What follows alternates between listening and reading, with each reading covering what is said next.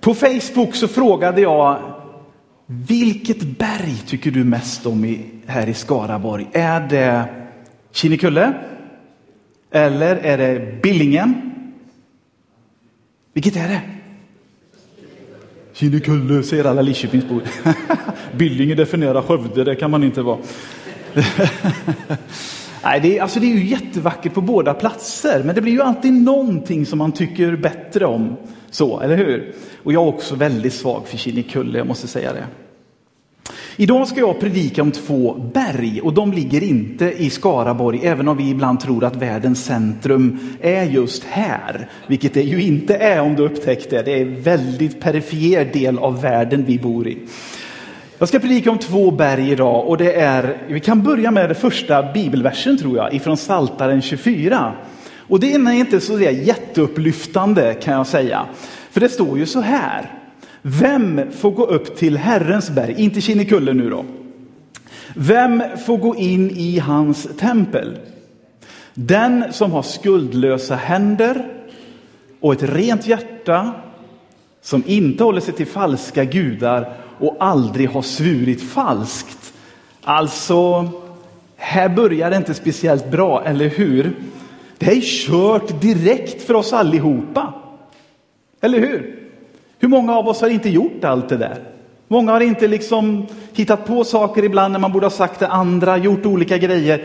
Alltså att komma upp till det där berget där uppe där Gud är, känns lite vanskligt om det är den här CVt man ska ha och visa upp. Liksom, titta, jag har aldrig ljugit, jag har helt skuldlösa händer, jag har aldrig gjort ett enda fel i hela mitt liv. Och så kan man säga, nej men det där med Gud, det får vi nog glömma då, för där kommer jag ju aldrig in alltså. Berg är ju en bild av upphöjdhet. Och ingen kan ju säga att det är enkelt att gå upp för ett berg. Eh, det kostar en massa energi och det kostar vår överlåtelse. Jag vet inte om du har gjort den här nattavandringen på Kinnekulle. Den börjar ju med en uppförsbacke, ni som har gått den, har ni märkt det? Det går ju precis rakt upp. Och man känner att hälsenorna liksom får ju sin duvning direkt här. Eh, så det kräver någonting av oss när vi ska gå upp till det här berget. Och jag tror att det är så här att den som står nedanför ett berg och tittar upp och den som står där uppe och tittar ner så kan man känna att det är ganska ojämlik situation det här. Den som är där uppe och den som är där nere. Det finns en förklaring till varför folk byggde borgar på kullar och berg förr. Därför att det är av naturen krångligt att komma upp dit. Och så här tror jag att många svenska människor känner det här med Gud. Nej, men vi lever i ett modernt land idag. Vi ska väl inte behöva bekymra oss för det här också. Att vi ska liksom, någon ska tala om för mig hur jag ska leva dessutom. Att jag ska behöva sköta mig och skärpa mig. Och då finns det en sån fantastisk bild i Bibeln om två berg. Och jag tänker jag ska berätta den historien för dig idag. De här bergen har en väldigt speciell betydelse som är bilder på något. De finns i verkligheten. Men det jag vill idag är att du ska titta på dem som en bild, en metafor för någonting annat. Det ena berget det är Sinaiberget på Sinaihalvön i Egypten. Ett torrt landskap, ett kargt berg, ganska tuff miljö. Det andra är Sions berg. Ja, det är lite mer av en kulle kan man säga, men det finns i Jerusalem, i Israel. Båda de här bergen är kopplade till Guds uppenbarelse. Båda de här berättar om hur Gud visar sig för människor och hur människor får möta Gud. På Sinai, då möter Gud Mose och israeliterna i sin helighet med rök, blixtar, basunljud, oväsen, fruktan, rädsla. Människor skälver av skräck inför det de upplever. Och vi kan gå till nästa bibelord från andra Mosebok, så följ med. Det står så här. När det blev morgon den tredje dagen började det åska och blixtra och ett tungt moln låg över berget och, de hörde, och det hördes en stark hornstöt. Alla som var i lägret blev förfärade. Då förde Mose folket ut ur lägret att möta Gud. De ställde sig nedanför berget. De står och tittar upp nu. Hela Sinaiberget omgavs av rök då Herren steg ner på berget i eld. Röken steg upp som från en smältugn och hela berget skalv. Medan hornet göd allt starkare talade Mose och Gud svarade honom med ljudlig röst. Här får Mose, och vi kan hoppa fram till nästa bibelställe också. När folket, och det är lite längre fram, när folket blev vittne till åskan och flammorna, till hornstötarna och röken från berget, darrade de av fruktan och höll sig på avstånd. Och de sa till Mose, tala till oss du, så ska vi lyda. Men Gud får inte tala till oss, då kommer vi att dö. Denna enorma uppenbarelse av Gud gör att människor är fullständigt förkrossade och skakar och tänker, den guden, han får inte ens tala till oss, för då dör vi. Här får Mose sen lagen, tio Guds bud, som blir det enda sättet som människan och Gud kan kommunicera med varandra på och umgås igenom. Här sluts också ett förbund mellan människan och Gud, mellan Israels folk och Gud. Men du ser en sak, att gensvaret är rädsla och lydnad. Han får inte tala, den guden får inte tala och, och vi ska lyda, vi lovar, vi lovar. Och det här är ju den där sidan av oss människor när vi blir rädda. Då lovar vi en massa saker. Ja, jag ska skärpa mig, jag ska lyda, jag ska göra så här. Ja, jag ska aldrig göra om det här, säger vi. Men det leder aldrig någonstans och vi ska se det. Paulus i Nya Testamentet, han använder bilden av Sinaiberget, alltså det som sker här. Och han säger att det är som en mamma som föder sina barn till slavar. Den som går in under det här föds inte av den fria kvinnan, evangeliet om Jesus, utan den som går in under det här blir en slav. Därför att lagen säger Paulus, den kan aldrig ge liv. Den är bara en övervakare. Det är som ett, ett förstoringsglas, det är som ett eh, mikroskop som man tittar ner i och säger och hjälp, är det så här det står till med mänskligheten? Lagen säger att vi har brutit med den här guden. Alltså mötet med den här guden blir så här allvarligt. Så allvarlig är vår situation så vi känner, han får inte tala oh, nej, Mose, prata med oss du, men inte han. För vi kommer att dö om han talar till oss. Och Paulus säger, det är precis så lagen fungerar. Du blir en slav under en lag som du aldrig kommer att klara av att hålla. Så det här läget är på ett sätt kört från början. Men det är en sann bild, för det är så verkligheten ser ut. Det är så brustet förhållandet är mellan en helig Gud och en människa. Läs gärna Galaterbrevet när du kommer hem, för här beskriver Paulus hur det är att vara född till en slav under lagen eller att vara född i det fria evangeliet om Jesus Kristus. Här försöker vi sköta oss och skärpa oss. Men i evangelium säger Paulus och säger också de gamla profeterna, där omskärs ditt och mitt hjärta så att vårt hjärta blir förändrat, inte vårt yttre. Det är inte lagtavlor av sten som talar till oss. Du ska, du måste, du bör. Utan det är en passionerad kärlekshistoria mellan människan och Gud istället. Där jag vill, precis som jag var när jag träffade Maggan första gången. Jag vill att hon också ska tycka om mig. Jag vill för jag är förälskad i henne. Jag vill att vi ska ha en kärleksrelation. Sionsberg, det är kopplat till Jerusalem och var en befäst kulle som kung David intog. Och så kallade han det området för kung Davids stad. Och symboliken kring namnet Sion är ju massivt, för det handlar ju också om den judiska staten, om det israeliska folkets längtan efter autonomi och så vidare. Men framför allt är Sion en plats för Guds uppenbarelse, särskilda uppenbarelse. Det var där sen i den staden som templet byggdes, där Gud skulle uppenbara sig för människor, där människor kunde komma med sina liv till honom. Så Sion har en helt annan symbolik än vad Sinai berg har. Och vi tittar på nästa bild. Nu hoppar vi fram till Nya Testamentet, Hebreerbrevets tolfte kapitel. Lyssna nu, det finns två viktiga ord, inte och nej är bra ord här nu. Ni har inte kommit till ett berg som man kan ta på. Ett berg i lågor, inte till töcken, mörker och stormvindar, till vind, till basunstötar och en röst som talade så att de som hörde den bad att få slippa höra mer. Kommer du ihåg historien från Andra Mosebok? Nu upprepas den och han säger, det är inte hit du har kommit nu. Ty de uthärdade inte påbudet, till och med djur ska stenas om de rör vid berget. Så förfärande var synen att Mose sade, jag skälver av skräck. Nej, nu kommer ordet nej. Ni har kommit till Sions berg och den levande Gudens stad, det himmelska Jerusalem och står inför mångtusende änglar, en festförsamling eh, av alla förstfödda som har sitt namn i himlen.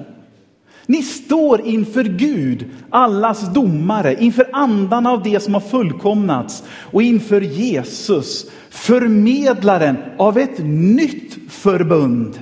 Kommer du ihåg det gamla förbundet vid Sinai berg? Nu är det ett nytt förbund och det renande blodet som star talar starkare än Abels. Abels det är det första mordet som sker i gamla testamentet. Va? Så här är det inte Sions berg, Nej, ni har kommit till Sions berg. Det är ett nytt förbund som talar starkare, ett blod som talar starkare än all synd från början i människans historia. Så här står nu två berg. Båda två bilderna är sanna. Sina i berg är lika sant som Sions berg. Det som har förändrats är inte Gud, utan det är din och min situation. Båda bilderna är sanna. En värld utan Jesus Kristus skulle innebära att vi var tvungna att förhålla oss till Sinais berg med lagkrav, med fruktan och rädsla. Men en värld där Jesus Kristus har klivit in, en värld efter Jesus, har öppnat vägen till Sions berg för hela världen.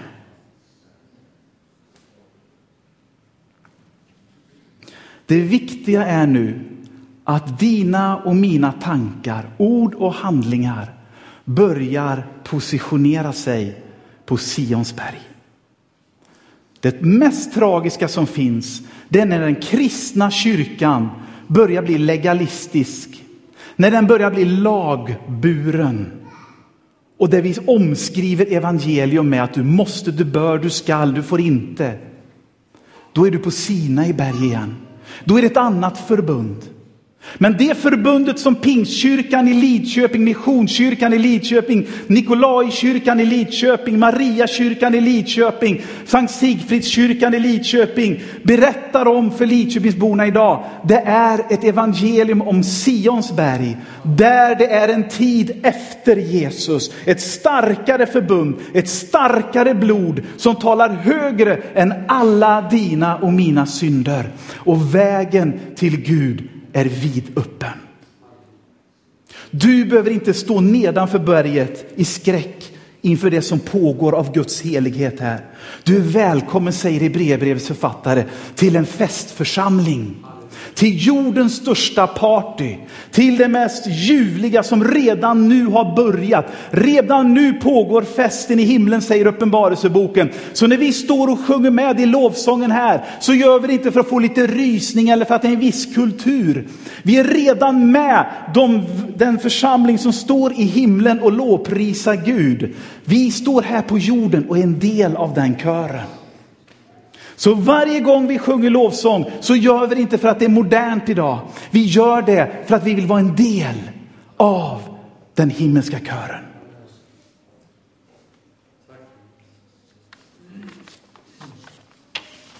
Okej, okay. nu ska vi gå på upptäcktsfärd du och jag. Nu ska vi gå till det här Sions berg. Och det märkliga är att vi kan läsa Hebreerbrevet nu, som ju är skrivet efter Kristus. Men det här berget är beskrivet 700 år före Kristus. Och vi tar nästa bild. Jesaja 25. Den femte evangelisten vet ni, Jesajas bok. Fantastisk. Herren Sebaot ska på detta berg. Vilket berg säger bibelforskningen? Jo, Sions berg. Herren Sebaot ska på detta berg hålla gästabud. För vem då? Alla folk. Alla folk. Alla folk. Ett gästabud med feta rätter och starkt vin, med feta mustiga rätter och starkt klarat vin. På detta berg ska han utplåna den slöja som höljer alla folk, det dok som skyler alla folkslag. Han ska utplåna döden för alltid. Herren Gud ska torka tårarna från alla kinder och göra slut på sitt folks förnedring överallt på jorden. Herren har talat. Den dagen ska man säga, se, detta är vår Gud, den räddare vi hoppades på. Detta är Herren som vi hoppades på. Låt oss jubla av glädje. Han kom till vår räddning. Herren håller sin hand över detta berg. Och nu ska jag inte göra en exegetisk tabbe, så jag ska läsa in en massa som inte står i den här texten. Men precis som de första kristna, så som skrev Nya Testamentet, bland annat Hebreerbrevet, så såg man ett profetiskt tilltal i Gamla Testamentets texter. Direkt såg man att denne Jesus Kristus, det är ju den som Jesaja har lovat och pratat om. Det är ju han det handlar om. Som kristen så tänker jag att Jesaja ord går i uppfyllelse genom Jesus Kristus och i den kristna församlingen. Textens absoluta ärende, den här eskatologiska texten som finns i Jesaja, är den sista tiden då Guds absoluta rättvisa ska skipas. Du ser det i texten. Så det finns tydliga likheter med Uppenbarelseboken. Den sista tidens upprättelse har dock redan börjat. Den har börjat genom dig och mig och den kristna församlingen och vårt liv tillsammans. Och jag tror att vi i den här texten kan se en förebild för vår kyrka och vårt liv tillsammans här i Lidköping 2017 idag. Jag tror att det är så här Gud tänker att hans kyrka ska se ut. Okej, okay, på detta berg, alltså är det Sion vi pratar om. Kom ihåg, ni har inte kommit till ett berg som är som Sinai. Ni har, eh, det, ni har inte alltså kommit till någonting annat än till Sionsberg, den levande Gudens stad. Ska vi verkligen lära känna Gud vem han är, då måste vi komma på ett fest. Då måste vi komma på ett party. Då måste vi komma på en stort gästabud. Och du vet, Jesu texter handlar ofta om människor som blir inbjudna till fester, människor som inte förtjänar att gå på kalas. Och i Jesu eget liv så är han och käkar goda middagar med en massa kända fina människor. Och så kommer det in folk som inte får vara där, prostituerade och tulltjänstemän och grejer. Och folk blir alldeles förfärade och säger, men Jesus, de får ju inte vara här inne. Och Jesus bara säger, de ska vara här. Det här festen är för alla människor. Det är den kristna kyrkans budskap. Det här är inte för några religiöst lagda specialister. Det här är för vanliga människor, svenskar 2017 som du och jag.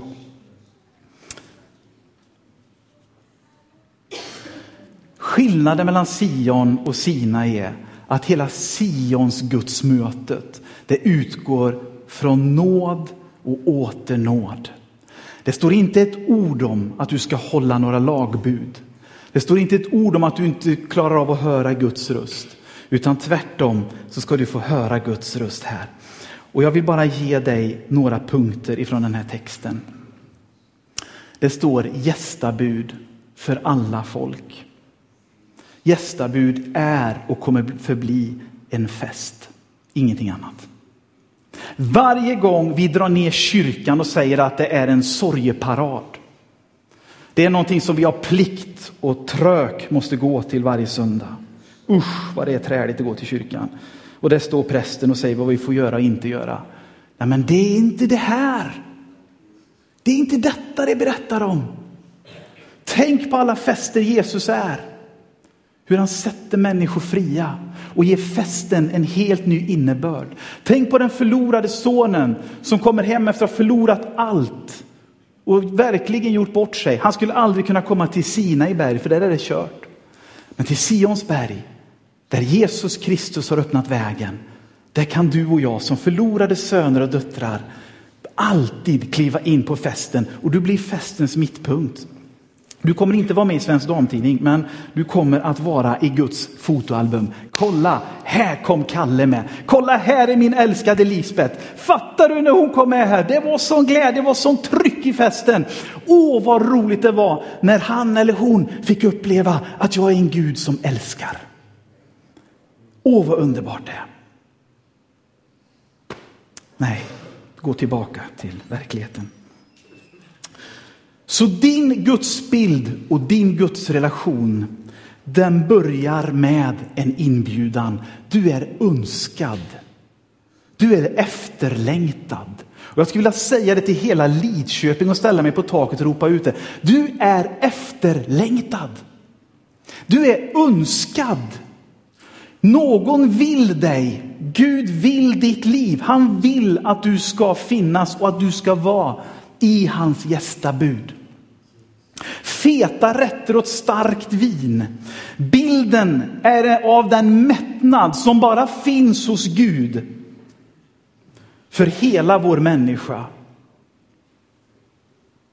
Din Guds bild och din Guds relation är inte en andlig askes. Även om du ibland kanske utsätter dig för kroppslig askes. Det är inte en andlig askes. Det är inte det, utan det är en oerhörd mättnad om och om igen. När du har varit på kalas på fredag kväll så tänker jag, jag kommer inte äta en bit till. Jag är så mätt. När man ätit sitt julbord, jag äter inte ett julbord till. Och så står vi där allihop på Hjärtbergs nästa år i alla fall och lastar vagnen full och ska ha julbord igen. Alltså vi blir hungriga på nytt. Och vi blir hungriga igen och igen och igen och igen. Och det är precis det här gästabudet handlar om. Gud har mat för din invärtes människa som du inte kommer att finna enbart i att träna dina muskler och din yttre kropp. Inte enbart kommer att finna genom att gå på en vacker konsert. Inte enbart genom att åka på en härlig semesterresa. Det finns ett djupare behov och längtan i din invärtes människa som inte någon annan andlig övning kommer att fylla annat än Guds eget ord. Guds egen ande, Guds egen närvaro. Som jag sa förra söndagen, du är kallad att gå på en upptäcktsfärd i att se vad det är att få kalla sig Guds barn. Precis som barnen gör när de kommer hem och upptäcker vad pappa har i kylskåpet. Bra, Tack. Jag är snart klar. Som döljer alla folkslag. Det här är så sorgligt.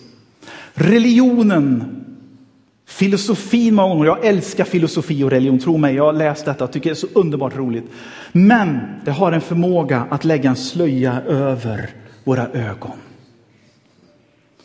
Och vi i den kristna kyrkan har lagt en slöja över folks ögon och lett dem till sina i berg många gånger, till lag och fördömelse. Har du blivit med barn innan du har gift dig? Oh, det är nog den värsta synden man kan begå. Nej, ett barn är aldrig en synd. Det är ett liv från Gud som är älskad av den levande guden. Det är ju här du ska vara. Det är ju här du ska få föda fram. Det är ju här du ska få uppleva vad det är att vara älskad av Gud. Det är det det handlar om. Ta bort den religiösa slöjan från människors ögon och säg, du är önskad av Gud. Du är inte bara önskad, du är älskad av Gud. Och vi som den kristna kyrkan i Lidköping har inget annat budskap. Sen börjar förvandlingen. Sen börjar förnyelsen av våra tankar. Lagen talar utifrån med tunga stentavlor. Guds evangelium talar inifrån med ett omskuret hjärta. Jag är älskad. Jag är älskad. Över allt jag har gjort så är jag älskad. Det är det enda budskap vi har till Lidköping 2017. Du är älskad. Så din Guds bild och din Guds relation bygger inte på att du är oviss. Det bygger inte på blindhet. Och Jesus säger själv så här. Till en dom för världen har jag kommit för att den som inte ser skall se. Och den som ser mig, alltså inte kristen utan Jesus. Eh, den som ser mig, säger Jesus, han ser Fadern. I detta evangelium så öppnas våra ögon och vi ser vem Gud är igen. Och det är domen mot världen som har lagt en blindhet över människors ögon. Jesus öppnar det. Och du kan se klart igen. Utplåna döden för alltid, står det. Jesus säger, jag är uppståndelsen och livet. Den som tror på mig ska leva om han än dör. Så din Guds bild och din Guds relation utifrån Sion-perspektivet, det är en evig relation som börjar nu. I den stund du säger ja Jesus, jag vill tro på dig. Jesus, jag fattar inte allt. Jag är arg på Gud och jag är arg på kyrkan. Men jag vill börja närma mig dig. I den stunden så börjar en evig relation med Gud. En evig obrytbar relation med Gud. Till sist, torka tårar och göra slut på förnedring. Kanske finns det inte en starkare bild än Wilberforce, mannen i England som på 1700-talets slut ger hela sitt liv och karriär åt att få stopp på slaveriet i det engelska imperiet. Vad är det som driver honom? Hans kristna tro på det här. Hur ska jag kunna äga en annan människa? när Gud har köpt mig fri. Och så skrivs den här Amazing Grace av en kapten som själv var slavskeppare. En av världens mest sjungna sånger.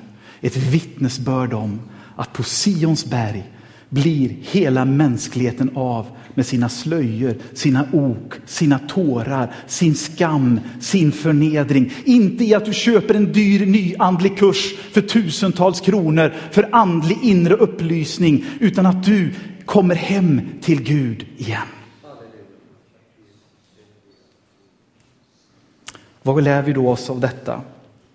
Tre saker. Vi kommer inte hitta Gud genom en andlig morallag och genom att försöka följa den och försöka förändra oss inifrån eller utifrån och in. Utan genom att placera oss på rätt berg. Gå mot Sion. Gå dit Gud är uppenbarad för den han är genom Jesus Kristus. Platsen där alla förlorade söner och döttrar hör hemma. Och att vara en förlorad son och dotter, det spelar ingen roll hur lyckad du är i ditt liv här på jorden. Utan Kristus är vi förlorade. Vi behöver vaka över att vi inte går bildligt talat till fel berg nu. Och det är så viktigt när vi berättar om Jesus och när vi berättar historien om församlingen, att vi inte leder människor in under en ny lag.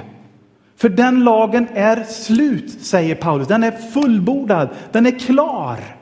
Och vi har ingen rätt att lägga nya religiösa ok på människors axlar. Då blir vi som fariseerna som Jesus säger, ni lägger bördor på människors axlar, men ni gör ingenting för att hjälpa dem.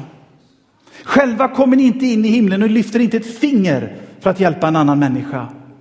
Det här måste den kristna kyrkan ständigt vaka över.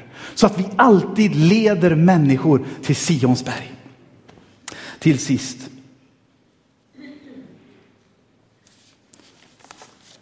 Nu är det upp till dig och mig. Du har fått ett liv att förvalta. Du äger ett antal dagar här på jorden. Jag skulle verkligen uppmuntra dig till att gå upp på det här berget Sion. Titta vad som finns där. Är det sant Gud? Att jag får sitta ner här och äta också. Och när vi nu firar nattvard om en liten stund så är det här den tydligaste, starkaste profetiska bilden av det gästabud som Jesus säger den sist, första påsken, de sista dagarna i sitt liv på jorden. Åh, vad jag längtar efter att få dricka det här vinet på nytt med er i min himmel igen. Och när vi gör detta med nattvarden här nu, då är vi en del av den festförsamlingen, av det gästabudet. Och så länge den kristna kyrkan firar nattvard i Lidköping så är det ett tecken till hela Lidköpings 40 000 invånare. Du är välkommen till gästabudet. Kom och var med. Försitt inte en dag till. Häng på istället. För nu är du välkommen. Amen.